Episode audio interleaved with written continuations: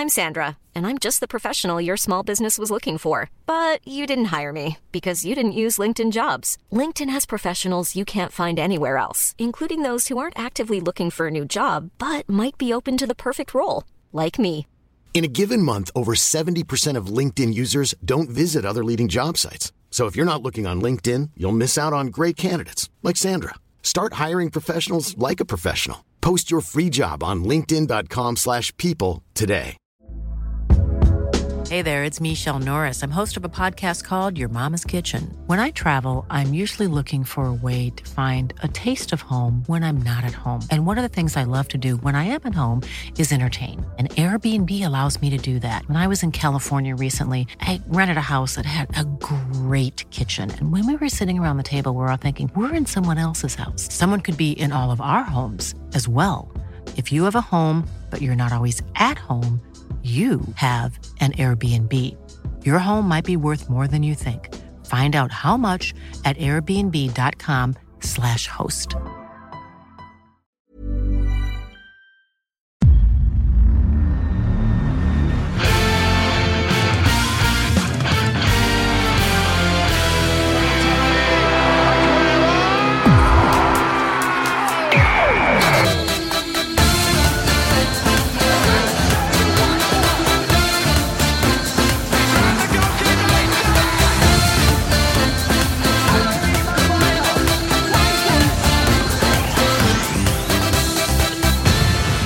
Säger vi återigen eh, hjärtligt välkomna till ett nytt avsnitt av Rule Britannia. Det är eh, sent här eh, söndag kväll, eftermiddag. Det är ganska nyligen avblåst på Emirates i London och Mikael Arteta har i Premier League-sammanhang, det var viktig uppföljning från förra avsnittets diskussion, för första gången besegrat läromästare Pep Guardiola. Men det det var en toppmatch, Fabian, som eh, lämnade en del att önska krasst sett till underhållningsvärdet.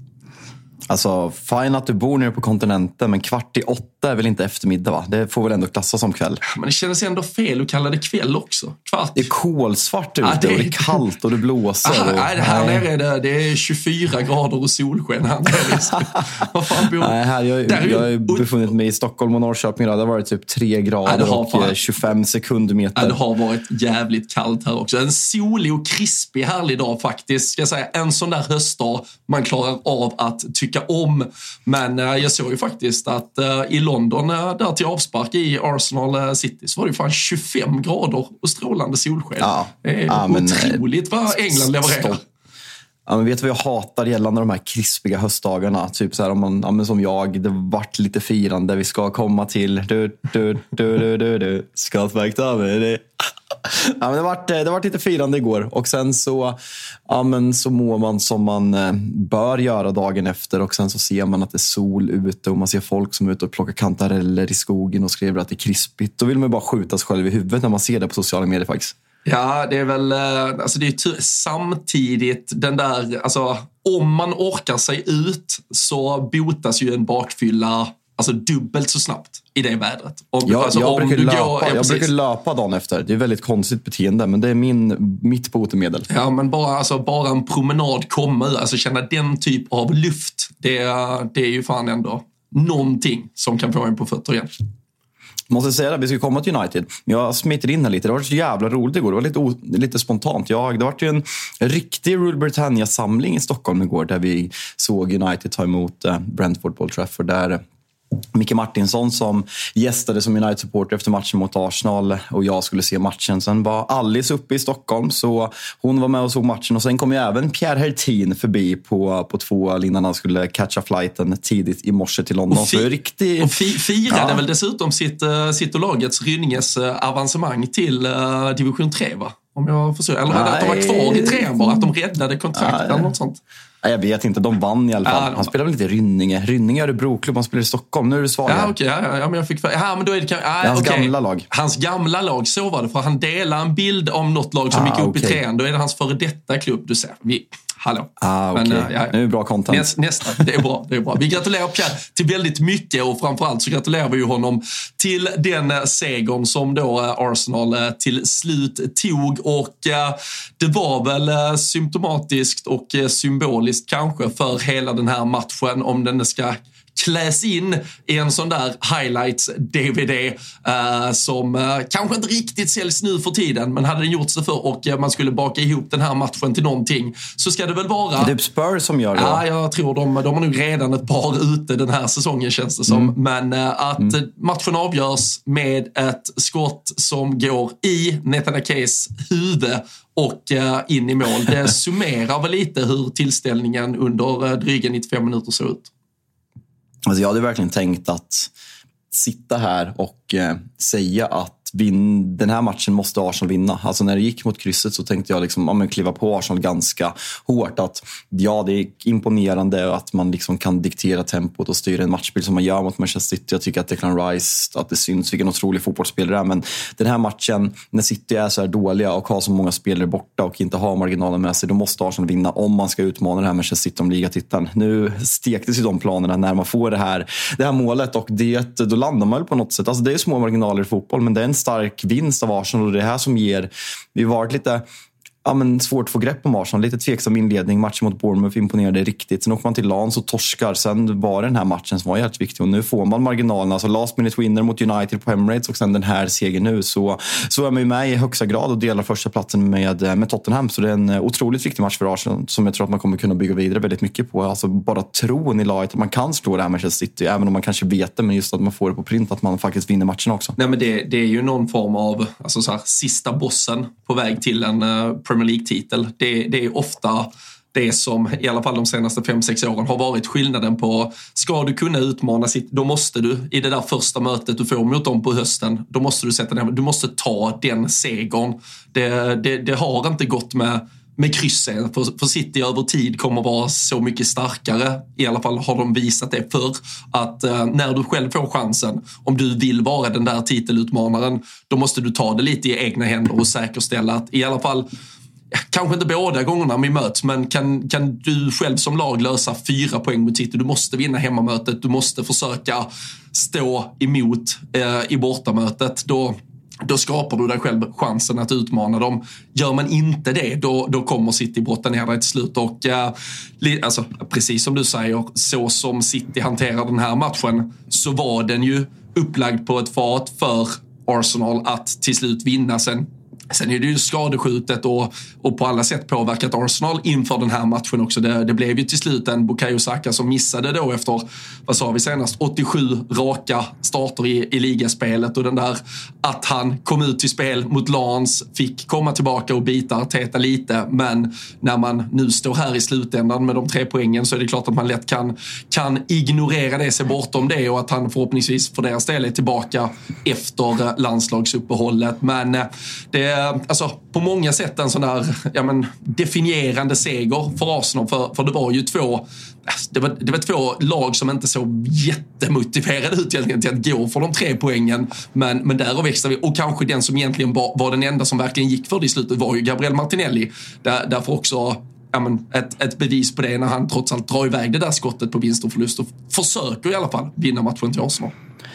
Ja, men det är en sån konstig match. Man har ju vant sig nästan att de här toppmatcherna senaste åren, kanske framförallt mellan Manchester City och Liverpool när ni har slagits om, om titlarna, att det har varit otroliga matcher. Du och jag har ju varit på plats på de senaste två matcherna på Anfield där, nej, men där det har varit otroliga tillställningar. Och eh, det var ju, alltså, jag tror att den här matchen att det är typ 0,3-0,35 i XG. Det är så här, Arsenal kändes bra, men sen samtidigt tänkte man så här, de skapade ingenting. Alltså det är halvtendenser till farliga saker. Och så här, vem ska göra? Det Det finns inte riktigt den där spelaren som kan göra. Och Gabriel Jesus är bra på mycket, men man kände lite det där som jag frågade. Det var därför jag frågade lite Pierre, att man behöver man en anfallare för att ta nästa kliv. Jag kan känna sen Håland är totalt osynlig i den här matchen. Sen är det en matchbild som inte passar honom för fem öre när det är liksom mycket att Arsenal har bollen och snabba anfall för på ett sätt som man inte är van med. Men eh, nej, vill vi innan vi går vidare och pratar lite mer om matchen, vill vi, vill vi prata domargate eller?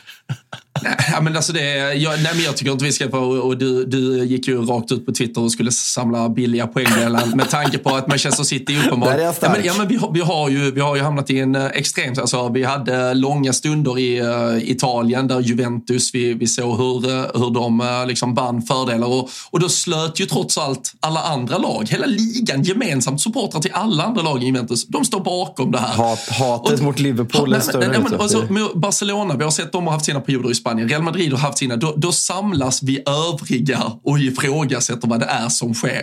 När Manchester City har den här eh, medstudsen, kan vi snällt och lindrigt eh, liksom bara eh, kalla det tills vidare.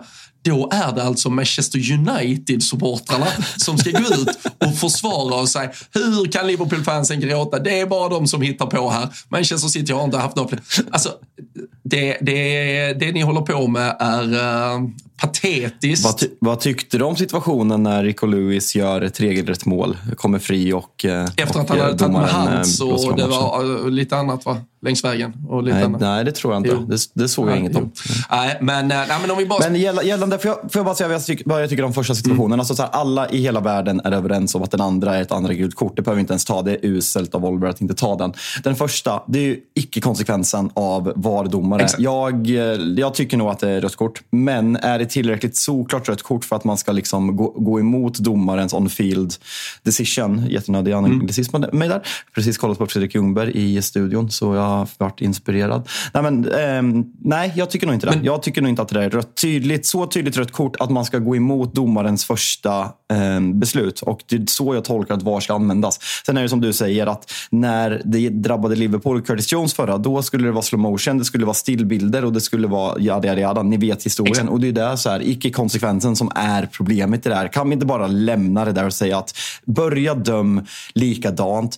Alltså så här, gör samma sak, tänk likadant. Ibland ska det inte vara slow motion, ibland ska det inte vara stillbilder. Gör samma sak varje gång så kommer man, jo man kommer nog klaga, men inte lika mycket för det är det som är så jävla frustrerande. För man det, vet inte. Nej, och det är väl kanske det som är återigen, alltså jag säger heller inte att det här nödvändigtvis ska vara, alltså där, där är man väl olika skolor så här, hur mycket tufft och hårt spel man tillåter och så här. Jag, jag köper helt att det kanske egentligen ska vara, men exakt det du är inne på. Konse, alltså konsekvensen och eh, alltså att vara konsekventa eh, efter hur det såg ut förra veckan och så denna veckan. Och det som blir problematiken med, också domarrum eller varummet kontra domaren som är på planen är ju att Michael Oliver, som vi kanske ändå, alltså så här objektivt så ska man, han hållas som den bästa domaren i hela ligan. Han har ju ett annat jag tror han har ett annat mandat att låta sitt beslut på planen stå. Det krävs väldigt mycket mer för att en VAR-domare, uh, nu minns jag inte exakt vem det var som var VAR-domare i City-matchen, här, men att den personen ska gå in... det, det där har du koll Ja, jag har aldrig men, men, att den, men grej. att den personen ska gå in och eh, alltså, försöka trumfa det beslut som Michael Oliver har tagit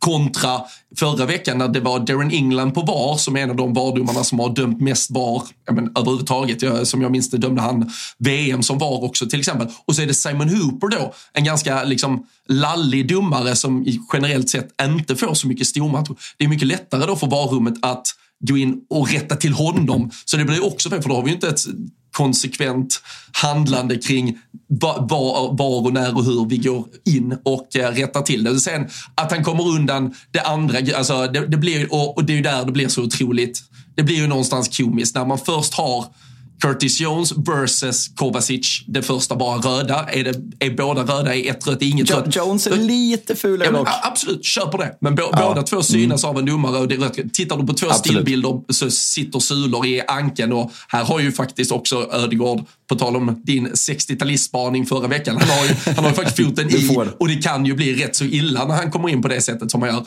Och sen det andra gula, när man pratar om att Diogo Jota var utvisad på två ganska billiga gula.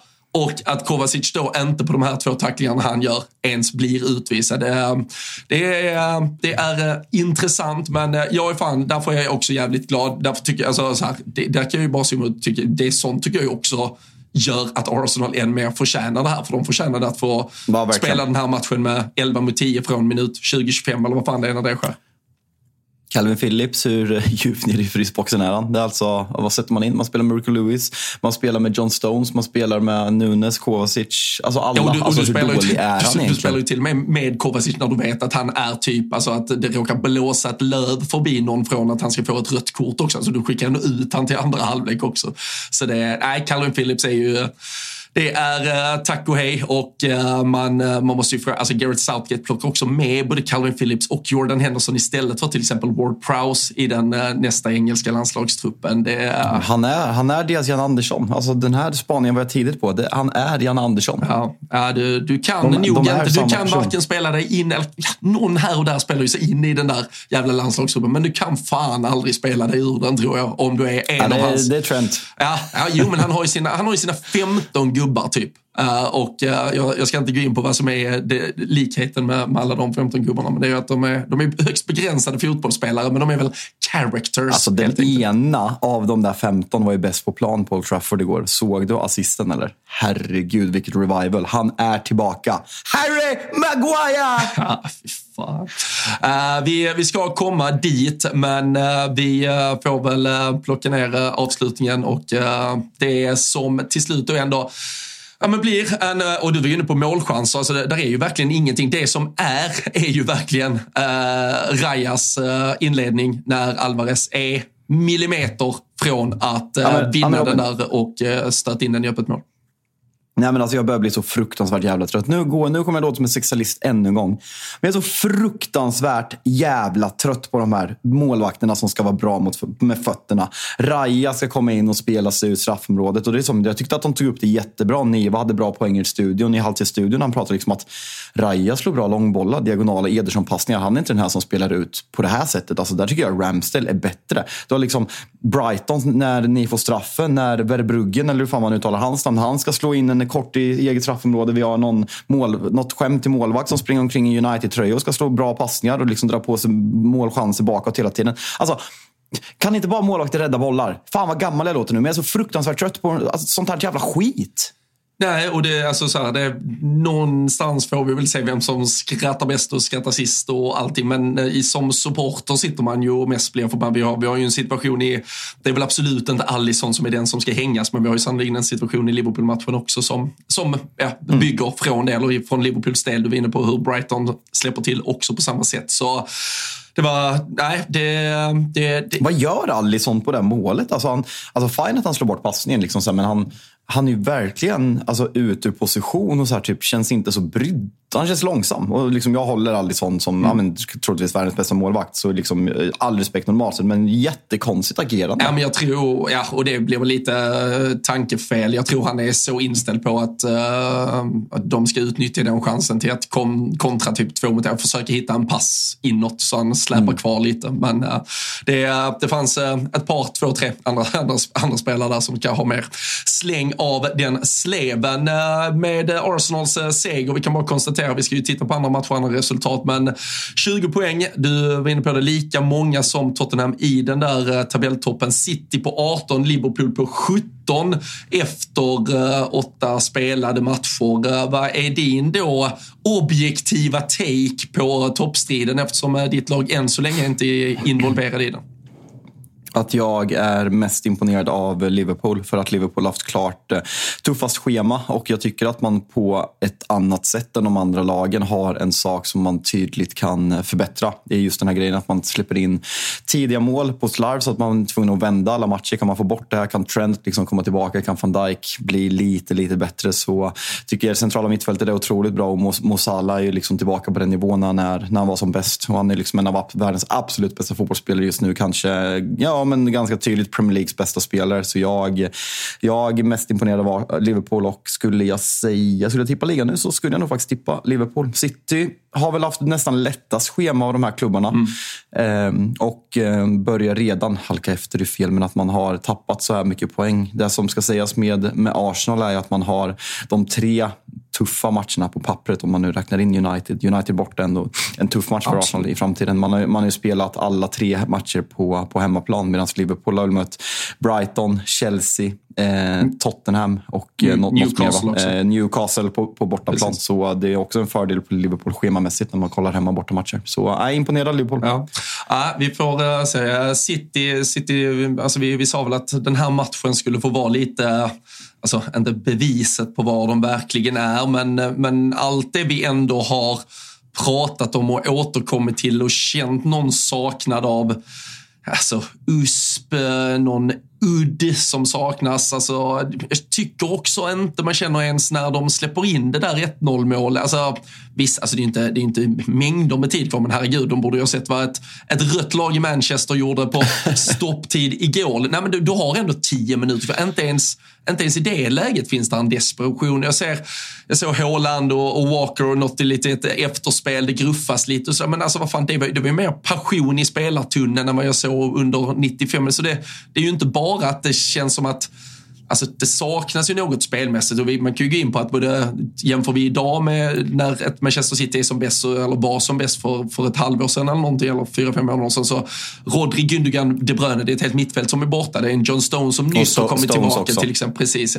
Och, eh, och det är klart att det finns sådana anledningar att gå till, men, men det är ju något med farten, glöden, frenesin, alltså viljan att verkligen bara skölja över motståndare som saknas. Och då är frågan, är det kompetensbrist så att säga, att man inte får till det? Eller saknas det också någon procent i utförandet från alla involverade? Så, vilket kanske är rimligt att till slut ska väl även Manchester City-tanken ta slut. Men uh, det, man, man var ju absolut inte beredd på att det, det skulle vara, och det kanske inte alls är nu. Men uh, jag tror ändå du är med på vad jag, vad jag, vad jag lite sådär söker efter. Ja. men det känns som ett konstigt byggt lag lite. Alltså så konstigt, jag vet inte om det är rätt ord, men just den här grejen att man är... Vi hyllade dem i förra året, att man liksom förändrade och blev tyngre. Nu känns det nästan som att man är för tunga på något sätt. Att man är för raka, direkta, fysiska. Att man saknar liksom... När Phil Foden inte har sina dagar, vilket han inte har så ofta i jämna prestationer. Liksom, Mares har man sålt som var en av få spelare som kan slå sin gubbe. Jack Grealish satt på en shitlist nu helt plötsligt igen. Så får man liksom vilken gubbe ska göra det. Doky liksom kan säkert bli bra, men han är inte den spelaren som gör sin gubbe och kommer runt varje gång och gör det där, eh, det där som man inte är med på. Och när, Håland, eller när Kevin De Bruyne inte spelar så har inte Håland någon som kan slå de här avgörande passningarna som han är bäst i världen på att hitta ut. Så det är, det är mycket problem. Sen samma sak, alltså ta bort Ta bort Declan Rice, ta bort Ödegård och eh, ta bort eh, eh, William Saliba. Det, det är liksom den kval, kval, kvaliteten för att jämföra spelarna som är borta i, eh, i Manchester City. Det är liksom hela centrallinjen. Alltså det förra säsongens, förutom Haaland, förra säsongens tre bästa och viktigaste spelare är borta den här matchen. Så jag tycker att man inte ska döma dem för mycket för att de här spelarna är så fruktansvärt viktiga. Och Pep sa väl på presskonferensen nu att eh, Kevin De Bruyne will show up sooner than later. Så det var lite kryptiskt, men känslan är väl att det inte är jättelångt kvar tills han börjar dyka upp. Det känns, det känns Robin så jävla tråkigt. Alltså, jag vill sitta och hylla Arsenal för eh, vinsten. Och det tycker jag att jag har fått sagt. Men det är, så här, det är svårt att få prata mer om den här matchen. Nej, jag tycker inte man ska... Som vi sa, det, det, det var en jätte jättetråkig fotbollsmatch. Ja. Och det är starkt av Arsenal att vinna och att de inte har imponerat men samtidigt ligger delade etta i Premier League är jätteimponerande. Ska såklart även nämna Kai Havertz kommer in, Assist. Det är assisten. Det är assisten. Han ligger bakom det. Han ligger bakom den ja, första ja. segern mot City sen, vad fan var det, 2015 i, ja. i ligaspelet. Och, jag tror att, eh, sa de, sa de 15 raka förluster? Eh, hörde jag det fel? 13 raka förluster tror jag det har varit i ligaspelet. Ja. Uh, om jag inte är, ja, det är faktiskt helt otroligt. Och uh, första gången Manchester City förlorar två raka ligamatcher sedan december 2018. Det, det är helt sjukt. Det har uh, också någonting.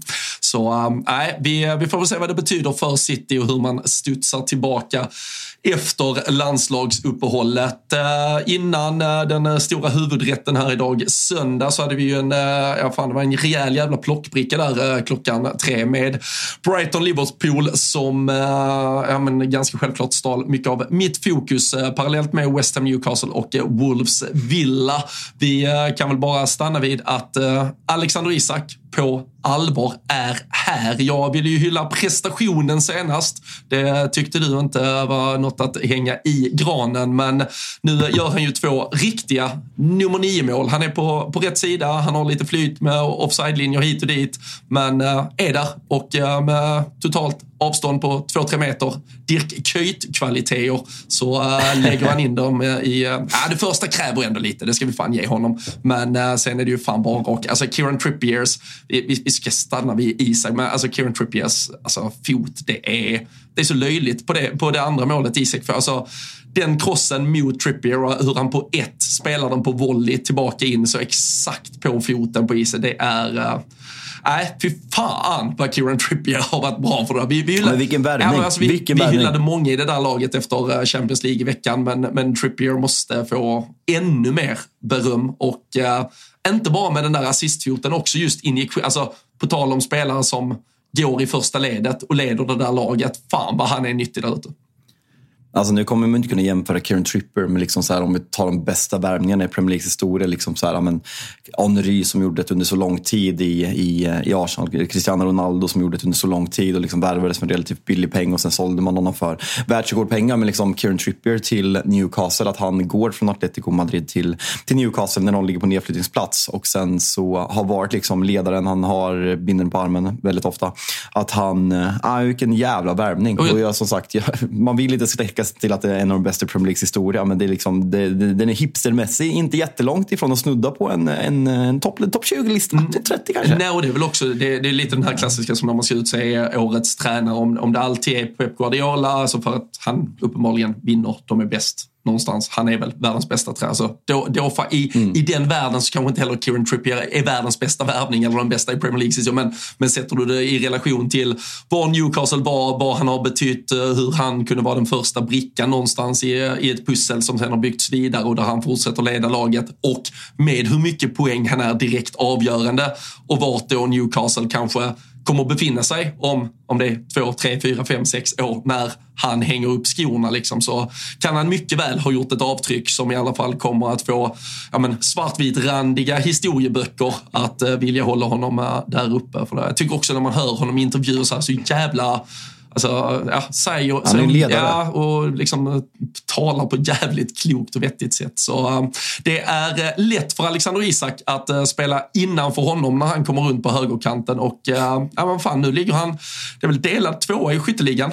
Två nya mål här. Stämmer. Och, sex, sex mål. Det är bara att vet varenda man, ta upp jakten. Vet varenda man vet Robin? Ja, vet varenda man vet där? Det är att om jag börjar hylla Alexander Isak nu och säga att han är på riktigt, då kommer det vänta en måltorka och sen så kommer man sitta om tre, fyra veckor och säga att han måste bli konsekvent i sina prestationer. Så jag, jag orkar inte. vet, jag du vet, nej, säger vet, att det är väldigt... Du vet framförallt vad som händer. Det är att han inte gör ett enda rätt i landslagsstressen nu här två jo, men vad fan, det är matcher som ingen bryr sig om. Moldavien. Är den hemma? Ska du gå på den eller? Du? Uh, nej, alltså jag fick något sånt här mail förening. Alltså de vill ju typ ge mig 50 biljetter tror jag, om jag tolkar det rätt ungefär. Så det, det är väl den nivån vi är på där ungefär. Men är det, det, det är träningsmatcher? Ja, ja. ja för nya spännande Sverige ska, ska sättas här inför framtiden. Alltså, alltså betalande publik, är det över 10 000? Nej, inte som, inte, det kan inte det som inte betalar fullpris. Ja, det kan det absolut inte vara. Fan, det börjar ju Nej, bli kan- kallt där också. bo- Det är ju helt orimligt. Den där borde de ju typ, alltså den där borde de typ skicka till så här Bravida Arena den där matchen. Så kanske de skulle sälja ut den någonting. Så här Hisingebo som har läst ett landslaget hade varit kul. Men fan, Friends, Moldavien, Oktober, Janne, Deadman Walking. Nej, fy fan vilket mörker. Ja, det är det. Men eh, för Alexander Isak, har han, eh, har han slått ner spiken i kista så fan, eh, den där Wilson-skadan kom inte olägligt för honom. Nej, jätte, jätteviktigt. Sen samtidigt, man har sagt det här tidigare och sen så har det kommit en formsvacka och sen kommer Wilson in och liksom från ingenstans och levererar och tar den där platsen. Så nej, det, det är kul att det går bra, liksom att han börjar få kärlek och börja göra mål igen. Eh, så ja, men en jättebra start för säsongen för Alexander Isak och Newcastle har verkligen trummat igång. Alltså, det här är ju en tuff match och där man reagerar här är väl att eh, Bruno Gimares, som för övrigt skriver på ett nytt långtidskontrakt, mm. säger också någonting med Newcastle att liksom, de är här för att stanna. Eh, han ryktades ju till bland annat Barcelona efter sin första, eh, väldigt bra första säsong i, i Newcastle, men nu liksom signar upp på, på lång tid. Men eh, det, han borde ha blivit utvisad både den här matchen och för ett slag senast mot, mot, mot PSG. Så små marginaler för Bruno Gimares får man ändå lov att säga. Ja, ja verkligen. Det Eh, kan väl konstatera att det var en eh, rejäl bjudning första. Det var ju ett West Ham som eh, hade ledningen. Nick Pope var, var ute och, och hängde lite tvätt. Zuzek fick, fick hänga dit och sen fin kvittering i slutet. Framme, klockan tickade med, med full fart mot 90 där när Mohamed Kudus fick göra sitt första mål i Premier League också. Och det var ju faktiskt idel delade poäng på den där eh, klockan tre avsparken. Eh, för vi hade ju även delad pott i alltså det iskalla Midlands-derbyt, Wolves-Villa. Det, är det ens ett derby? Har vi koll på geografin? Det, det känns inte hett i alla fall. Alltså vi, alltså Wolves, Wolves är väl typ så Black Country tror jag att det heter. Vet du, det är så här, nu är det United nu är det fin, fin geografi men, eh, också. Men eh, nu låter jag som Thomas Wilbacher när han snackar Italien känner jag här. Men eh, det är en, en ort som heter Dudley som eh, som eh, Duncan Edwards som var en av dem som omkom eh, i flygkraschen 1958 som såg som ja, men den största England, eh, den största talang England någonsin hade fått fram och folk trodde liksom att han, hade han levt så hade det varit han som lyfte den VM-pokalen 1966 när England slår Västtyskland i finalen. Men han är från Dudley jag tror att det ligger väldigt nära Wolverhampton. Sen hur långt det är till, till Birmingham vet jag faktiskt inte men det, det är området. Jag måste bara kolla där för hur långt det är till, till Birmingham. Ah, jag tror att det är typ, ja, ligger vid Walsall också så klassiskt typ så här League 2-lag? Eller, eller? Jo, absolut. absolut. Men, Vad har vi på Walsall? Jag har ingenting på Walsall faktiskt. Kan inte ens komma på en spelare Nej. som har varit förbi där eller någon sån här deppig eh, halvtalang man har lånat ut till Walsall eller något. Men jag, jag har inget på rak arm i alla fall. Eh, alltså man har ju ändå någon relation till väldigt många av dem där. Uh, tre, tre mil är det? Tre, ja, det, det, är för långt för att mm. kalla det derby, faktiskt. Där. Och, vi, och vet du vilken eh, stad man passerar när man åker mellan Birmingham till Wolverhampton om man åker den södra vägen? Nej, det är Dudley. Fan vad, och sen har du West Bromwich där mittemellan som ligger mellan Wolves och, och Birmingham. Fick vi lite Midlands geografi-kunskap mm. här ja, mitt i Säkert många som sitter och noterar och gläds över det. Men äh, jag vill faktiskt åka till Dudley. Det är en, ja, men, målningar i kyrkan där på Duncan Edwards och sen finns även han begraven där. Så det, det är faktiskt mål, ett mål jag har med livet att åka till Dudley och besöka Duncan Edwards grav någon gång. Det, uh, jag vill se fram emot att, uh, att du får uppleva och uh, kanske ta med dig lite utrustning och, och göra något litet uh, reportage därifrån. Kan ja, jag är bra på gravstenen i England. Senast var det Eleanor Rigbys gravsten i en förort till Liverpool. Så ja, nej, det kanske är ett jävla mörker som finns inom, in, inom mig ja, som verkar komma fram här. Det här, det här du gräva med, med, med andra än, än mig kring känner jag för att eh, komma till. Kanske har valt fel yrke. Det kan uh, vara så. Men uh, några som har valt uh, rätt yrke i alla fall i den där matchen. Ja, Pedro Neto ligger bakom Wolves mål. Olly Watkins ligger bakom kvitteringen och sen har ju Olly Watkins en stolpträff, alltså med matchens sista spark. för Aston Villa så är det väl ändå att se detta här som alltså, förlorade poäng. vill de verkligen vara där uppe i toppen ska man väl derbykänslan till trots vinna mot Wolverhampton. Ja, nej, men det måste man verkligen göra. Eh, förresten, Pedro Neto är den spelare utanför Liverpool som du knyter, mest knyter en extra näve liksom när han gör poäng? Eller? Det, Bara för att få rätt det, på det din... Kan, eh, det kan absolut vara så. Det kan absolut, men jag, ja. jag har också, jag, nu, har jag tagit rygg. Nu, nu är han en viktig del i mitt fantasybygge och jag visar, alltså, put your money where the mouth is. Alltså, vi, vi går stenhårt på Pedro Neto-tåget och jag måste ju jobba en högerytter som eh, någon gång ska ersätta Mohamed Salah och just nu, ja. fan det kryllar inte av dem. Så Pedro Neto är under lupp och eh, just nu kan han vara etta på min shortlist över spelare jag gärna hade sett i Liverpool. Alltså, alltså vi snackar väldigt sällan fantasy i den här podden och så ska fortsätta men Alltså binden på Salah var så given den här omgången. Alltså, det, alltså jag är typ besviken med två mål. Alltså jag, jag såg det ske så hårt. Ja, och där, där, där, är det ju problemet och det är ju därför vi också inte ska prata för, för det finns ju tyvärr eh, klubbsympati, i alla fall för mig, för jag kan ju absolut inte vara neutral i beslutsfattande kring sånt. Det, hade varit alldeles för mycket någon form av jinx-faktor och allt skit. Liksom. Så jag fick ju gå på Sonny istället och det var ju såklart ett pissval. Och eh, därav ska vi varken diskutera fantasy eller fokusera mer på det framåt. Det ska vi inte. Nej, ska vi, ska vi ta den där matchen från eh, Amex Stadium eh, och eh, det som... Martin Åslunds favoritarena. Ja, det noterade han på Twitter och var väldigt tacksam till American Express för alla gånger de eh, hjälper honom i eh, livet. Eh, det var en, jag vet inte, vad, vad, på 1 till 10 på sym, sympatisk eh, tweetskalan. Var, vad har vi den? alltså jag eh, älskar Martin Åslund. Tycker att han är eh, ja, en av Sveriges absolut bästa experter i tv. Kanske till och med den bästa. Men på Twitter ibland undrar man vad han tänker. Grym match på Amex. En sponsor jag gärna stöttar taggar American Express. Söker han spons eller? Jag har sett, vad heter han? Kristoffer Åström som är matinfluencer som har öppnat en mackrestaurang i Stockholm. Han eh, var ju, la ut att han var sponsrad av American Express nu. Så de kör ju en drive och sponsrar vissa influencers. Så Åslund kanske har noterat det här och är ute efter spons. Vem vet? Ja, vem vet? Uh... Hiring for your small business? If you're not looking for professionals on LinkedIn, you're looking in the wrong place. That's like looking for your car keys in a fish tank.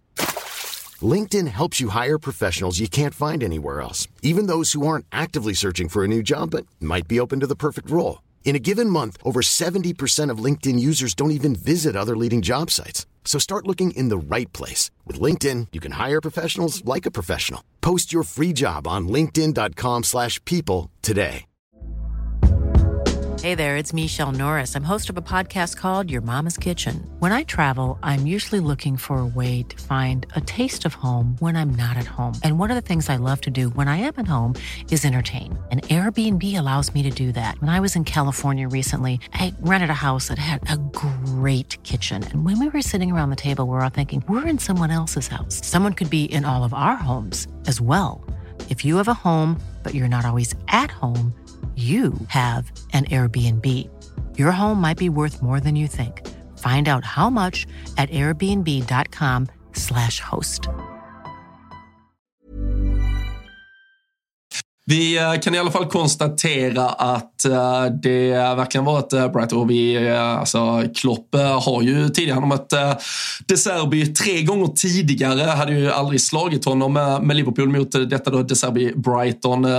Två förluster, ett kryss tidigare. Vi kan konstatera att det nu är fyra matcher mot De Serbi, Liverpool Brighton, där Liverpool inte har vunnit den, den längre, alltså ja, ingen annan manager har Klopp mött med Liverpool så många gånger utan att ta en seger och eh, alltså det är ju ett Brighton som är jävligt bra. Återigen så är det in med spelare, alltså det, och det är, nu är det ju faktiskt spelare vi har nämnt för nu har de ju varit inne och in och ut i elvan ett par gånger. Men både Adingra och Baleba som är, som är helt otroliga. Men också ett, ja, men ett, ett Brighton som, som alltid, framförallt på hemmaplan, spelar helt utan... Eh, ja, men, alltså, de känner ingen stress kring motståndet. De, de har, visar ingen respekt på det sättet utan de tar taktpinnen direkt och eh, första 20-30 minuterna så, så är de ju riktigt bra. Sen eh, vad Liverpool satt sig tillåter dem att göra, och hur mycket man vill att Brighton ska spela på det sättet man gör. Det, det, det, får, liksom, det kan vi bara vara, eller behöva gå till Klopp för att få reda på. Men eh, det är ju ett Brighton som eh,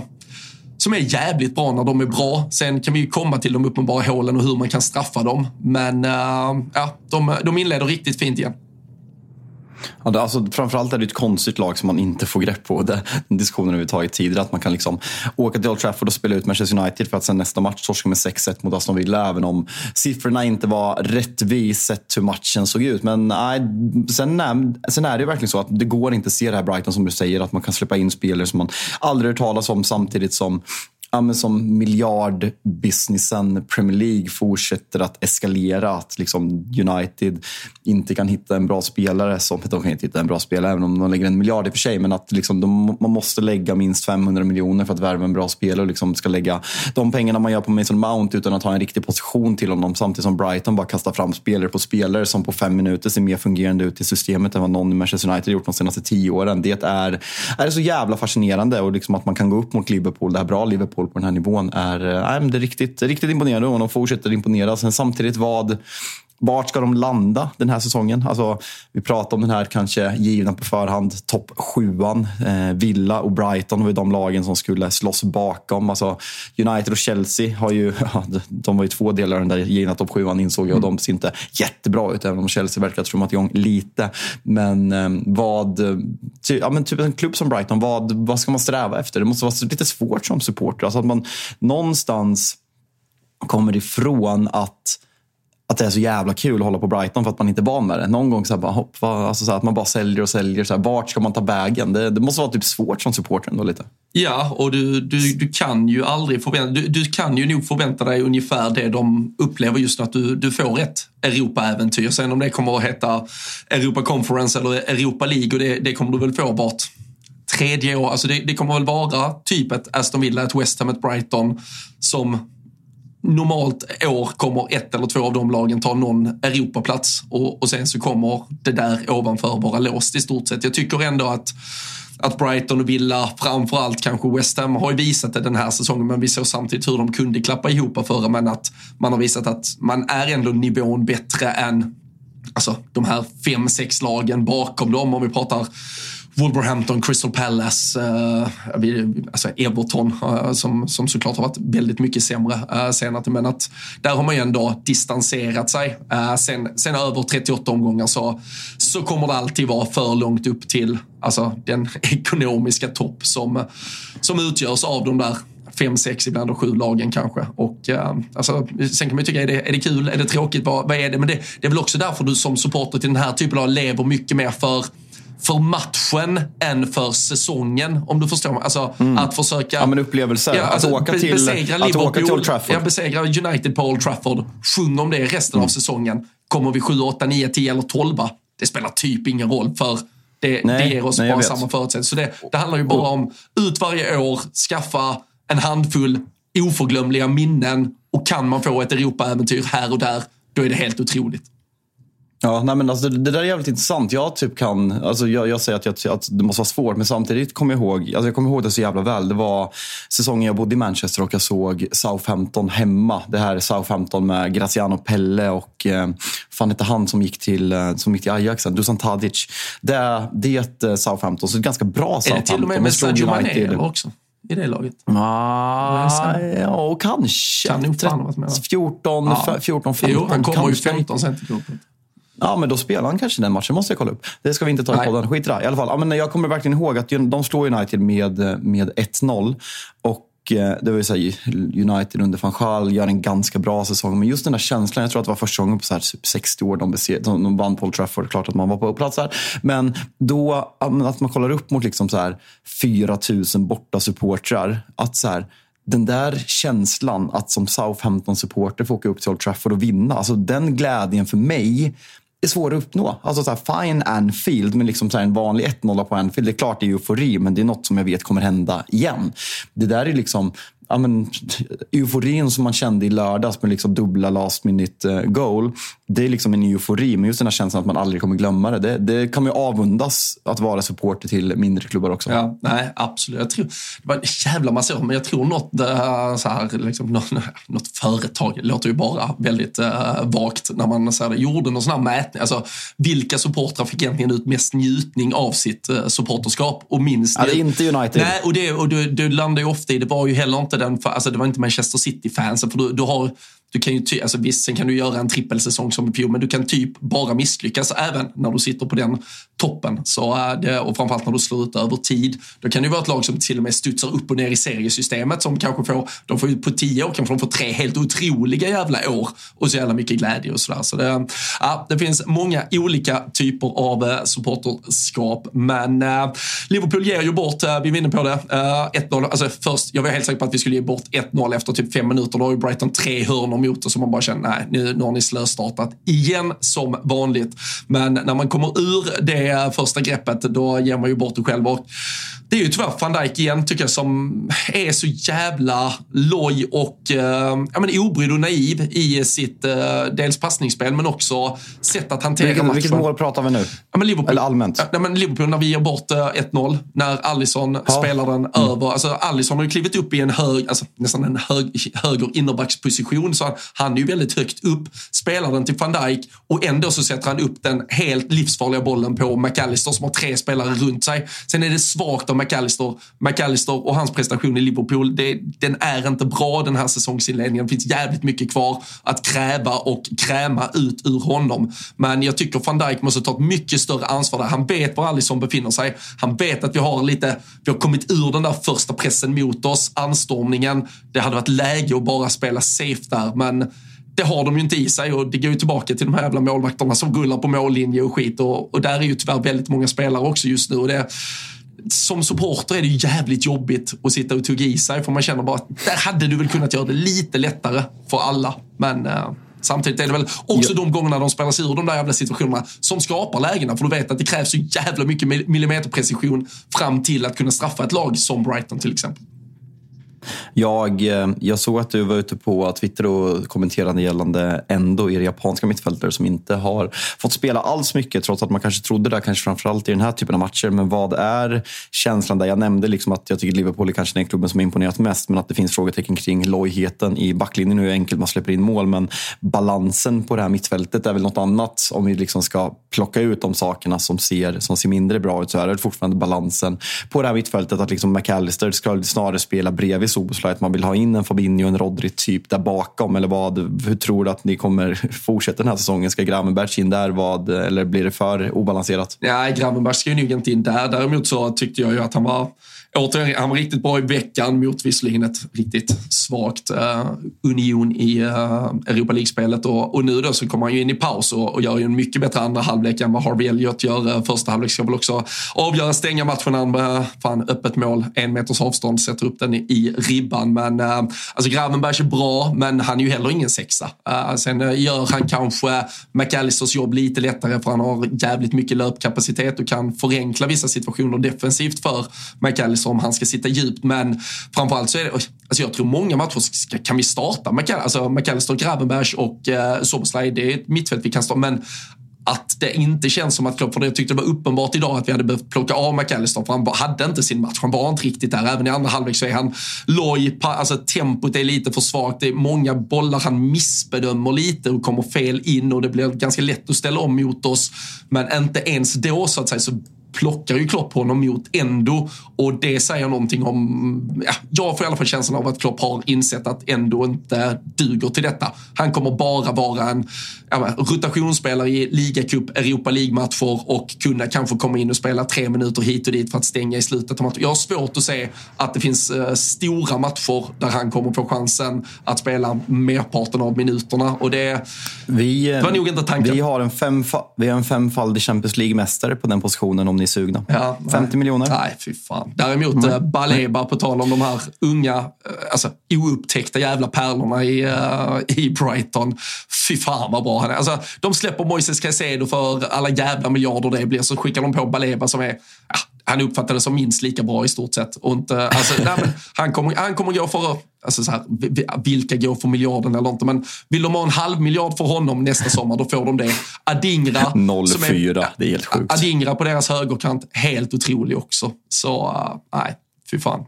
De, uh, de var bra, men uh, vi, vi släpper det där, känner jag. Men hur är det möjligt att vara så bra på scouting? Alltså så här, hur, hur är det möjligt? Nej, jag Klart han kommer från Nord, Nordsjälland, Adingra från början. Ja. Eller från början, men han har gjort en säsong där i alla fall.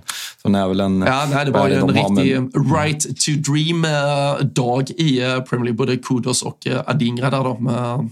Med vars ett, vars ett mål, vars, vars en fin prestation och insats också. Men jag, jag, vi ska lämna matchen, men alltså jag, fan, försvarsspel, det är ett jävligt snyggt mål absolut. Men försvarsspelet på 2-2 är för billigt alltså. alltså det är, det är lojt. Nu ska jag fråga återigen dig. Du är ju vår ja. uh, försvars, försvarsexpert. vi, vi sätter ju, uh, alltså det är ju en frispark från om säger, Brightons vänsterkant, uh, vår höger. Och, och så sätter vi Andy Robertson på första stolpen. Han är ju vänsterfotad. Du vill ju möta den bollen som kommer in i den höjden. Men det, alltså så här, jag, Andy Robertson är en av äh, nu är han inte världens bästa vänsterback, men han, är en av, han har varit en väldigt bra fotbollsspelare väldigt länge. Jag förstår att han kan använda sin högerfot. Samtidigt så är han ju inte naturligt högerfot. Hade det inte varit bättre att ha en högerfot längst fram som det är naturligt att möta den på volley och bara skicka med högerfoten istället för att det är en vänsterfotad spelare? Alltså, ja. Jag, så, jag så avancerade var, så avancerade Alltså, han skulle- var han inte matchgenomgångarna på division, Alltså, han division 3 Men han nivå. skulle lösa det ändå, det fattar jag också. Men det störde mig också lite för det se, han vänder kroppen fel till den för att han inte naturligt kan gå på den och attackera den känns det som. Uh, sen är det skitdåligt gjort och um, alltså, det är också väldigt återigen signifikant att det är Robertson och McAllister den bollen passerar innan den går in för det var de två sämsta på plan. Uh, tyvärr, uh, över 90 minuter. Så. Vad, vad, vad, vad känner du för Robertson? Alltså, det var ju verkligen en Liverpool. Alltså, han har ju på något sätt kommit i skymundan för att folk reagerar på Trent. Dels när Trent är bra så är han bäst, men även när Trent är dålig så är han väldigt dålig. Medan Robertson ja, men, ja, men, var ju helt otroligt jävla bra under så lång tid. Men att det känns verkligen som att ja, men senaste året, nu är han liksom mer habil. Men liksom så här, vad, vad har vi Alltså, status hade, säga? hade matchen varit omvänd, alltså hade Trent blivit blottad på det sättet som Robertson blir idag, tro mig, då, då hade Twitter. Då hade jag skrivit. Alltså, ja men alltså, uh, Adingra där ute, han har, han har ju sån uh, lekstuga där ute på den kanten och han, han är ju förbi uh, ett par, Alisson gör en till helt otroligt. Han, han får gå ut och typ bandagera vänsterhanden för att han tar det med en enhandsräddning på den uh, när Adingra vänder upp och, och, och smäller till. Men Robertson, jättesvår. Och, jag, och dessutom plockar vi av Trent sista för att ta in Gomes istället. Och där, därför, jag vet att Trent nyss har kommit tillbaka och allting, men plocka av Gomes istället, eller plocka av eh, Robertson istället och, och skicka in Dessutom, om vi ändå ska invertera med en, invertera från vänsterkanten istället då kanske, så kan ju Trent eller Gomes spela därifrån också. Nej, jag, Nu vill ja. jag prata om United. Det ska du få göra. Ingen vill höra Liverpool eh, deppa över. Det jag däremot med mig. Vi har ju tagit in en poäng på City över två omgångar här nu. Sant, trots att vi bara tagit en pinne. Men eh, nej, det var ju en eh, historisk eh, eftermiddag på Old Trafford igår. Jag, jag möttes av ett flöde på sociala medier som vittnade om fornstora dagar. Ett Manchester United som var back on the fucking perch. Ni hade vunnit ligan, jag vet inte vad. Nej, det var back on the perch. Den har vi varit på. Vi har varit på perchen hela tiden. Otroliga scener var det i alla fall. Första gången någonsin förstår jag det dock som, som ni ligger under i 90 minuten men ändå vinner. Uh, det skulle också ha blivit första gången sedan 70-talet ni annars förlorade tre raka hemmamatcher i ligan. Uh, vi, vi ska inte raljera kring det och jag tycker inte du ska fastna i vad du tycker om Onana, Victor Nilsson Lindelöf och Casemiro. Bara ta oss tillbaka. Ska- ska- ta oss ska vi- ska vi bara tillbaka. skit- ta oss ja. tillbaka bara. Jag vet vad, välj glädjen. Ta oss tillbaka till scenerna när Scott McTominay står redo vid sidlinjen. Nej, alltså jag, det börjar med att jag säger lite skämtsamt när McTominay blir inbytt. Han gör två mål och avgör. Alltså, hur, hur, jag jag gör det igen Robin. Att jag alltid kan vara så glasklar i mina expertutlåtanden. Jag tänker bara så här, gick du inte in på ATG.se och lade det där spelet?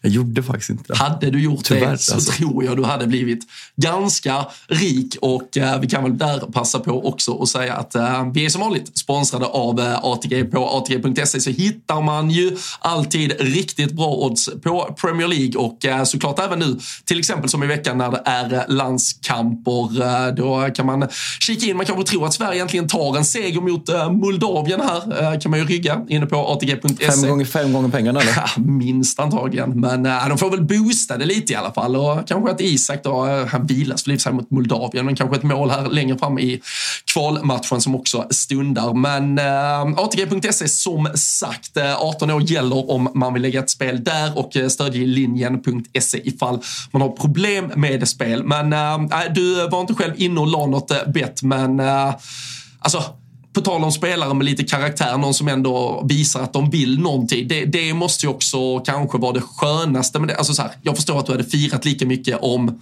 Bruno hade avgjort med två mål, för det behövdes två mål. Ni behövde vinna, ni behöver få någonting att börja tro på igen. Men eh, klart som fan det blir symboliskt att det ändå är Scott McTominay i det här laget av lite själlösa spelare som du har klankat ner på de senaste veckorna. Ja, verkligen. Och det är det, är det här som på något sätt är... Alltså jag fattar att jag, jag är världsmästare på att samla billiga poäng och jaga in likesen på Twitter ibland också när man ska håna motståndarsupportrar. Och jag förstår att våra motståndare liksom hånar att man firar så mycket när man möter Brentford hemmaplan. Men sen samtidigt som fotbollssupporter, det är det här det handlar om. Alltså det, det är sådana här upplevelser man eh, lider för att få uppleva med sina vänner eller vart man nu ser att bara den här euforin, galna euforin, att det svartnar för ögonen och man vet inte vart man ska, ska ta vägen för att man är så glad. Och eh, det är, liksom, det är länge sedan man upplevde. Eh, och jag, som sagt, jag skulle kunna prata om den här insatsen eh, väldigt länge. Och, men jag, som sagt, jag, jag ska välja glädjen och jag är bara så jävla tacksam att man får uppleva en sån här sak. För folk kan prata liksom att fotbollen är på väg åt så jävla mörka platser och det gör den första att skriva under på. Men likt väl, sådana här upplevelser. Det här är fotboll för mig. Det här kommer alltid vara fotboll för mig. Alltså vem som äger en klubb, vem som är president i Fifa och så vidare. det är det här det handlar om. Det är det här som är supporterskap och vem som driver olika saker kommer aldrig kunna ta bort de här känslorna rakt ut. Och det, det gör mig så jävla glad att man får uppleva en sån här sak. För det känns som att det var, det var väldigt länge sedan och efter den här tuffa inledningen så behövdes det ännu mer. Så det var, det var, det var ett fint minne. Ja, jag, jag förstår eh, det helt och hållet. Och uh, frågan nu, även om man vill eh, leva lite i stunden, är väl hur mycket det ja, men kan betyda framåt. Jag vet inte, så här, det, alltså, är det bra eller dåligt? Är det att det kommer ett landslagsuppehåll? Alltså, så här, att ni inte går in i landslagsuppehållet med ytterligare en förlust, det var ju svinviktigt. Frågan däremot kanske, alltså hur mycket av eventuellt det man hade kunnat få med sig från den här vinsten om det var en match om tre, fyra dagar igen kan eventuellt försvinna av att det är ett landslagsuppehåll? Eller är det bara ändå positivt att nu fick man den här vinsten, spelarna får komma ifrån varandra lite, när man kommer tillbaka så, så får man veva den här jävla, åtminstone tilläggstiden ett par, tre gånger på, på Carrington och börja ta sikte mot vad som väntar resten av hösten. Eh, hur, hur känner du kring United framåt, vad man kan göra med den vinsten, vändningen, insatsen? Vi kan inte säga att jag ska vara positiv och ställa en sån fråga till mig, för du vet ju, du känner ju mig, du vet ju vad jag känner för det här. Alltså jag, vi är ju, vi är ju helt odugliga. Alltså vi är så fruktansvärt dåliga och ett dåligt fotbollslag och dåliga individuella prestationer konstant hela tiden. Så liten effekt, ja kanske, men sen samtidigt Alltså, vi är jättedåliga i den här matchen. Alltså, så här, vi, vi, skapar ingenting mot Brentford hemma utan sin bästa spelare. Det är undermåligt hur dåligt det är. Och det är klart att jag är fortsatt lika orolig. Och sen samtidigt, ja, vi ska få, få tillbaka spelare. Jag tycker att Harry Maguire, eh, som är den spelaren som liksom får skit precis överallt, bevisar eh, att han är eh, och det är verkligen inte baserat bara på den här matchen. Men Harry Maguire liksom, ja, men under hela sin United-karriär. Sen får folk sitta och säga att han är den sämsta värvningen i Premier Leagues historia. Jag tycker att det är så extremt okunnigt att ens ha honom på en topp fem-lista. För liksom sättet han gjorde Manchester United till ett bättre fotbollslag de första två åren. Sen har det senaste året blivit ett skämt. Han har liksom varit med i årets lag. Han har blivit EM, kommit med i drömlaget i EM och eh, tagit England till, eh, till en semifinal i VM. Liksom, det är ingen dålig spelare. Jag tycker han visar att jag tycker han är bäst i United i den här matchen. Jag tycker att han visar att han ska ha den där platsen bredvid Rafael Varan när Victor Lindelöf är skadad, om han nu är det. Jag sa till typ Johnny Evans före Victor Lindelöf. Jag är så fruktansvärt trött på honom.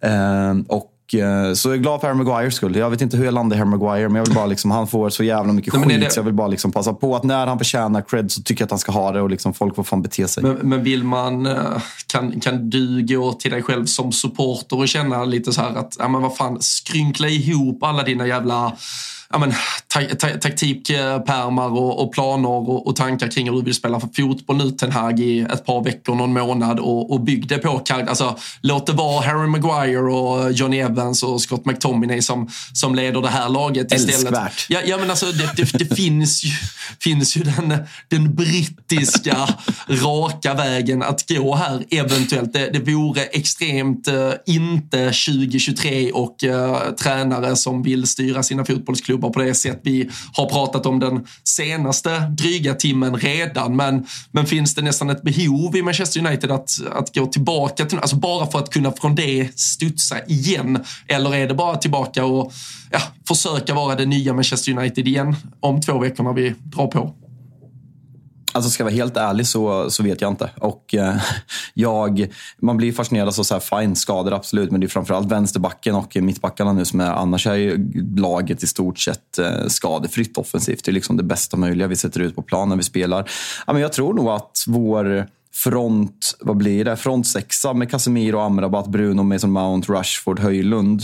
Ja, det är väl att Anthony ska in där, men då är det så här, vem flyttar på sig? Så det är liksom ett val han har eftersom han sitter på bänken. Så vi har den bästa liksom, offensiven som vi kan ha och att det inte ser bättre ut, att man inte kan kontrollera spelet. Man tar ut Casemiro i paus, vilket jag tycker är helt rätt för att han är undermålig ännu en gång. Det är så signifikativt med det där målet att liksom Casemiro slår bort en passning, missar en brytning, Victor Lindelöf sparkar hål i luften och Onana kan inte rädda en boll. Alltså det är de tre sämsta spelarna i Manchester United den här säsongen. Att de lyckas i en liksom, tango. Tango kanske man är två på, men en jävla foxtrot eller något. Jag vet inte vad det, det olika danser finns inte jättemånga danser men det är tre tror jag. Nej, jag tror inte, det, jag tror inte det heller. Men, nej, nej, det var... ni, ni, ni fattar vart jag vill ja, komma. Ja, man, man, man förstår det. Man såg all, all, all, alla tweets som innehöll bara så här, det var hans fel, det var hans fel. Man bara, då, folk fyllde bara på det, men det var ju även hans fel. Så ja, det var Onana. Det var det så, så, det var någon, så det var någon skrev till mig, eller jag vet att folk ska störa sig på att jag hänvisar till Twitter ibland, men jag, ibland måste man fan göra det. Det var någon som skrev man kan inte skuldbelägga Victor Lindelöf för det där målet. För att om inte de andra begår misstag innan så uppkommer aldrig situationen där han gör sitt misstag. Så då man, man liksom fri Det är typ alltså, det dummaste jag har Missar laget i första pressen så har man frisedel rakt igenom sen och bara, nej vad fan, det var de där uppe som ställde till det redan från början. Det är inte lönt göra Onana, Onana, Onana bara, nej men jag skiter i att rädda bollen. Det är Casemiros fel. Han tappar, missar en passning. Man, man har ju dock, på lägre nivåer har man ju dock sett spelare som inte pallar göra jobbet när någon, den först gör ett misstag, det är det bara så här, då får det fan kosta vad det kostar. Det, vi får ta Ja, fy fan. Nu, nu, nu, nu, nu kommer dagens Arsenal-hat. Nej, det, det, är inte Arsenal-hat. Det, det, här är mer, det är lite Liverpool-hat också. kommer upp en tweet här i mitt flöde. William Saliba has not been dribbled past in his eight Premier League appearances in 23-24.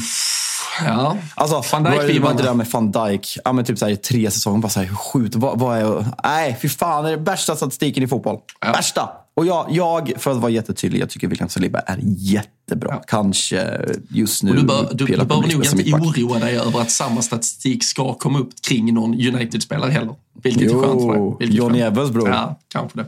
Vi får se. Om, eh, om United var nöjda, glada och uh, på alla sätt och vis jävlar i det kända att de tre poängen var välbehövda så, så nämnde vi ju senast att Chelsea först då tog en viktig seger mot Fulham i veckan. De spelade ju måndagsmatch där senast och i går lördag så blev det ännu en seger. Denna gången 4-1 borta mot Burnley. Eh, Burnley som nu har fem raka förluster på, på hemmaplan och eh, på tal om eh, de där nykomlingarna som verkligen inte bjuder upp den här säsongen så, så får ju faktiskt Burnley ursäkta lite för hur, ja, vad, vi, vad vi trodde om dem på förhand och vad vi nu har fått se. Men Raheem Sterling otroligt bra. Uh, bänkades ju eh, mot, eh, mot Fulham här uh, på, på måndagen, men uh, med här direkt och uh, alltså, han ligger ju bakom det som först är ett självmål fram till 1-1 Burnley har i ledningen i den här matchen. Fixar straffen, gör rätt själv, uh, Hockeyas ligger bakom det är 4-1 målet som till slut avslutar matchen och vi, vi har ju pratat om Chelseas kommande schema efter det här landslagsuppehållet, men lika viktigt som det var för United att bara vända här, att Chelsea ändå får lägga till då sex poäng från veckan på ett annars ganska skralt poängkonto. Det, det var väl, eh, alltså så här, de får väl analysera i efterhand vad de kan göra bättre och hur de spelmässigt eh, presterar och var de eventuellt befinner sig i någon process framåt. Men eh, här handlar det väl om att poäng gånger två då i båda de här matcherna bara skulle in. Vet du vad status på Hjalmar är? Eller? Står knäskada? Jag, jag bara så här, innan vi går vidare med att prata Chelsea. Jag bara kommer till, Ingen aning, men han, var inte uttagen i, eller han är inte uttagen i landslagstruppen heller. Så, så någonting är det ju som spökar. Ja. Men det, men det som är fint med Chelsea också, så här, alltså, två saker. Alltså, folk pratar om liksom att man skeppade många och liksom vi har pratat med Johanna om den här liksom, att man var så stolt över liksom Cobham-generationen som typ alla har försvunnit. Nu har man Louis Colwell som har liksom gjort den här platsen till sin. Jag tycker att Conor Gallagher har klivit fram på det där centrala mittfältet där man splashar cash till höger och vänster och värvar Caicedo och Enzo Fernandes. Men det är Conor Gallagher som kanske sticker ut på ett bäst sätt. Armando Broja nu har startat två matcher, och gjort det bra. Sen Kukureya, jävla revival. Jag tycker att han var riktigt, riktigt bra i matchen mot vilka mötte de i ligacupen, Robin? De mötte så mycket som Brighton när de vinner med 1-0 på hemmaplan. Han startade den matchen och sen har han även startat två raka ligamatcher. Riktigt bra mot Brighton och har även byggt vidare på det. Så kul för han var liksom, ja, men, utskrattad och pratade om, man pratade liksom om sämsta värvningarna i Premier League någonsin med tanke på hur dålig han var förra säsongen. Sen även, man reagerar ju på att Cole Palmer tar straffen. Ja, men han har ju ett, eh, alltså, ja, om man tänker rent så här truppmässigt, var borde han befinna sig? Det är, inga, det är inga spelare dock, men, men, alltså, så här, det är inga givna straffskyttar. Och sen, har ju sämre tillslag än vad du har. Ja, och Cole Palmer har ju däremot ett riktigt jävla bra tillslag med den där vänsterfoten. Eh, det var ju, visserligen via Curtis Jones röv, men det var hans frispark som avgjorde U21-EM för, eh, för England i, i somras också. Men nej, Palmer har ju en fel. Och det, alltså, det är ju ett, en jävla salig blandning blandning av jävligt mycket spännande talang, men, men alltså, det, det säger ju någonting om ett Alltså, i alla fall som vill vara topplag, om det är Cole Palmer som är första straff... Alltså, jag vet inte exakt vad det säger, men det säger någonting att en uh, ung lovande, till slut då Manchester City reject, ändå går in i ett Chelsea och är deras första straffskytt i ett ganska viktigt läge. Det, uh, alltså, det är verkligen något, något nytt och annat. Alltså, jag kan inte minnas, mm. alltså, vi, vi, har inte sett det Chelsea gör just nu har man inte riktigt sett något annat lag göra. Uh, tror jag, kan inte, jag kan inte likna det vid något annat projekt, bygge, samling spelare. Det, det, är verkligen något uh, extremt. Ja, det blir, det blir inte sånt följa vad de ska göra. Fulham 3-1, vände, eller vände. De fick en kvittering emot som en avgör på slutet. Hade man kunnat satt om man hade lyssnat på spelsur med Olen som hade Fulham som en av sina största rekar. Och ruggig som jag är på övergångar Robin så kan vi passa på att faktiskt säga att Daniel Olenklint kommer gästa Rule Britannia i veckans andra avsnitt. Ja, det, ska bli det är landslagsuppehåll. Så vi ska ta ett litet, ja men verkligen, så vi ska ta ett litet mer gräv. För er som inte vet vem Daniel Olenklint är så, ja men eh, vad, hur ska man beskriva honom? Han är ju ett uh, jävla spelorakel uh, på, på ja. alla sätt och vis. Och han, uh, han gör ju spelsurret med Thomas Wilbach och i detta flöde kommer ju på fredagar där de snackar upp Big Nine och ja, men, tar ut lite tripplar och ja, men, tänker vad, vad ska man kika extra på? Var ska man kanske vara lite försiktig? Otroligt nördig på underliggande siffror, status i lagen och jag, jag tänker att det, det är mycket sånt snack man kanske kan ta med, med Jolen här också kring vilka lag som, alltså, vi, vi kan ju använda vårt blotta öga och försöka tro, tänka, tycka hur lag har presterat. Men uh, han har ju all jäkla data på allting. Så uh, det ska bli kul att höra vilka lag han kanske tror kan ha ja, en växel till i sig uh, under resten av hösten och så vidare. Där, där tror jag att han ja, har ja. jävligt bra tankar jag kommer bli knäckt när han liksom, ja, men det lag som överpresterat mest sett till underliggande siffror är Manchester United som borde befinna sig på en 17 plats. Nej, men det ska bli kul. Så är ni trötta på att höra oss gissa om hur saker är så ska det bli kul att höra Daniel Olenklint säga hur saker ja. faktiskt Nej, det, det... är. Tot Tottenham då? Satt du och kollade på uh, Retro mm, Sveavägen? Jävla mycket reklam för Retro Sveavägen idag. Ja, men, ja, alltså, uh, vad... Gamla Percy Nilegård, uh, fy fan, här svävar över folket, men han kör ju i Nile Nile City kör marketing without asking any questions first. Så bara skickar han en faktura efter att han har gjort lite reklam för ställen. Så det kanske är det vi ska börja jobba med äh, i stället. Men, äh, ja, de varit inte så jävla glada när man ställde sig på borden och sjöng Scott McTominay okay, igår. Vi, kan, vi kanske på plus, minus, plus minus noll. Det blir en, en, en faktura som bara studsar.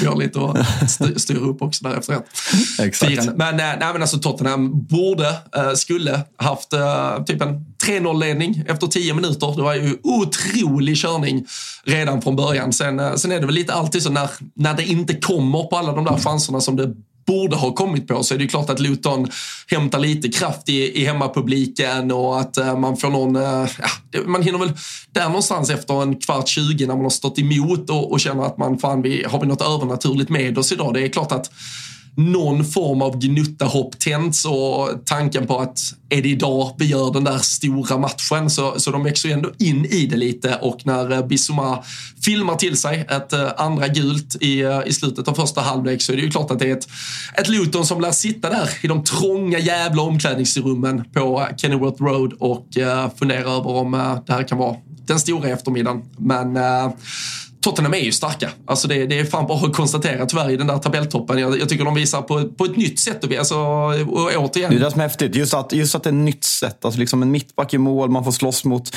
alltså med tio man och att man vänder. Det samma, liksom, de där segrarna är ju liksom så jävla karaktärsbyggande också. Det är samma er, er eh, seger borta mot Newcastle. Alltså det är så fruktansvärt imponerande när man gör det med tio man. Det är tufft alltså. Ja, och jag, alltså, de har återigen de, de har marginalerna med sig. Det är, det är ju någon offside-situation och där, där de skickar, alltså där, där Luton får in en boll och sådär. Alltså det, I slutändan är det solklara beslut, så det, det är helt... Men ja, i, är du i den där bubblan, då, då får du också de där centimeterna och decimeterna med dig. Och eh, sen att det, denna gången då är van de Ven som, som avgör eh, läggs ju bara till listan över spelare som, ja men där Madison såklart har stuckit ut kanske mest och fått eh, mest hyllningar under säsongsinledningen. Vicario har vi varit inne på, vilken jävla, alltså, alltså vilken målvakt han har visat sig vara. Udogie har vi, har vi hyllat från, från första stund också egentligen. Så de har ju, det är ju ett, alltså, det är en halvt, alltså, halvt ny startelva där varenda en har faktiskt varit riktigt, riktigt bra. Det finns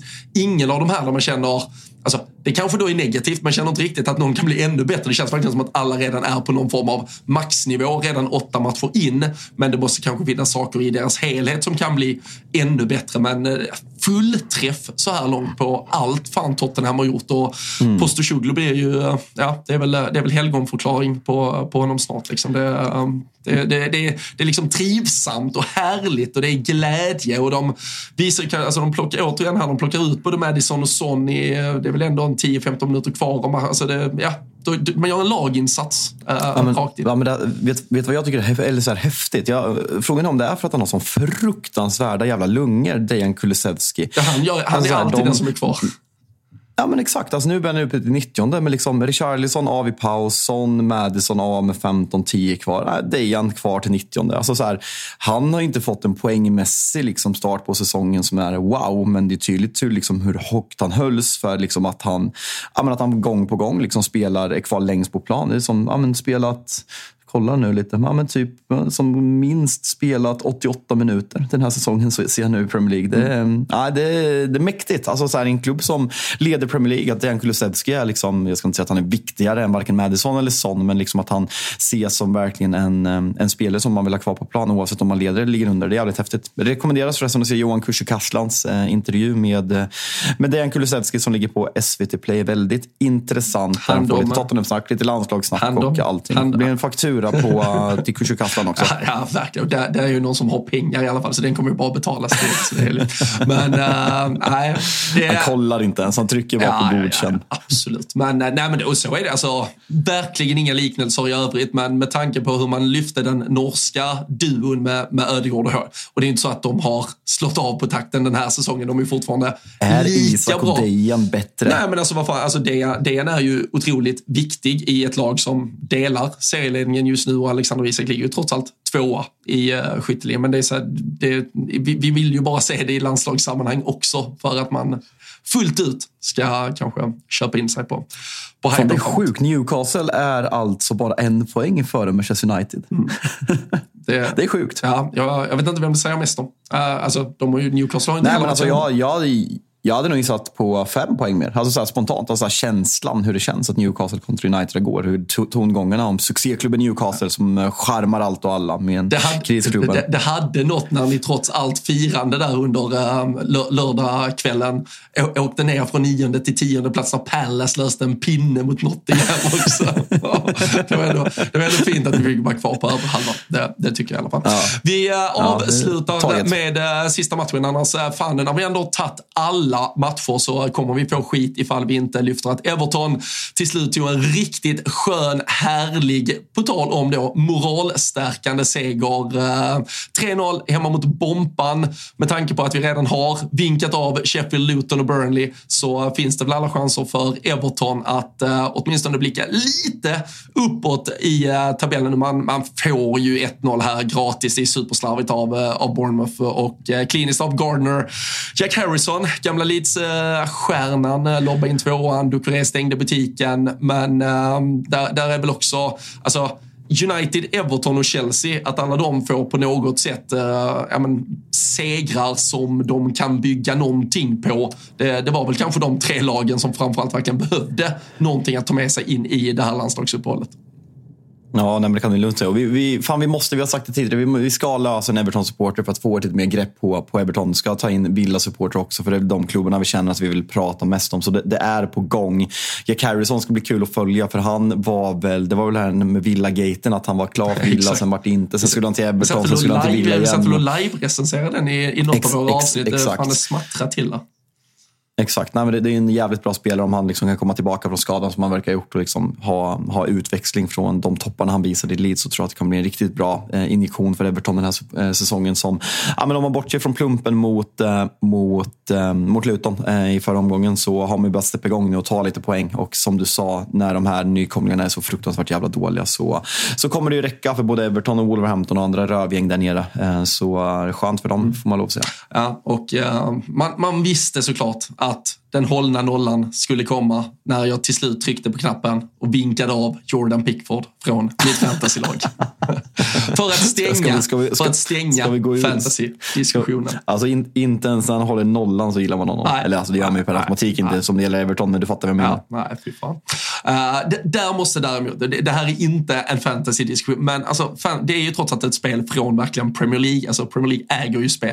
De kan inte, när Kovacic gör den tacklingen han gör, då kan inte, då kan inte deras fantasykonto skicka ut så här, oh, how many managers were uh, liksom holding their breath at this. Alltså så här, det är fel fokus att fokusera på om du har Kovacic i ditt fucking fantasylag eller inte. Det är, alltså, fotboll är lite större än de här jävla fantasyspelarna. Så, uh, ja, men alltså officiella, ja, ja, det finns en officiell fantasy-sida. Alltså, det var officiella. Fan, officiella. Premier League Fantasy skickar ut typ så här, were you holding your breath uh, här liksom i den här tacklingen eller något sånt. Nej, den, den, den backar jag. Ja, nej, för helvete riktigt svagt.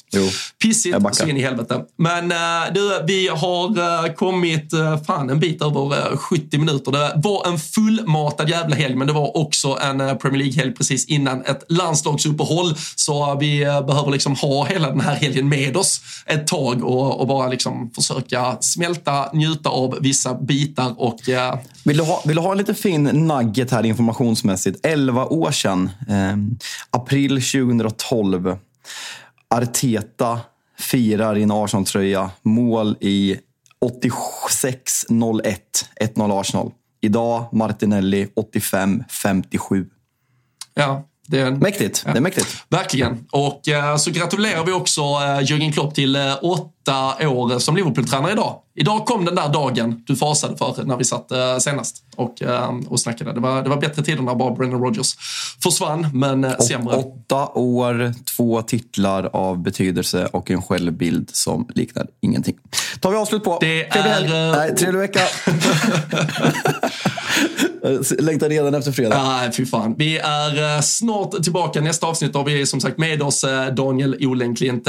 Sprid vårt gospel, Rule Britannia rullar vidare alltid. Vet du, vet, vet du vad, det var länge sedan. In och betygsätt på Spotify. Det uppskattas jättemycket. Så in och ge en femma på Spotify och betygsätt oss. Det är faktiskt total gåshud om ni gör det. Gör det. Ni, äh, ni hör äh, Fabian ber er. Då är det fan bara för er att äh, pinna in och äh, ta ert förnuft till fånga. Vi hörs snart igen. Ta hand om er så länge. Ha det gott.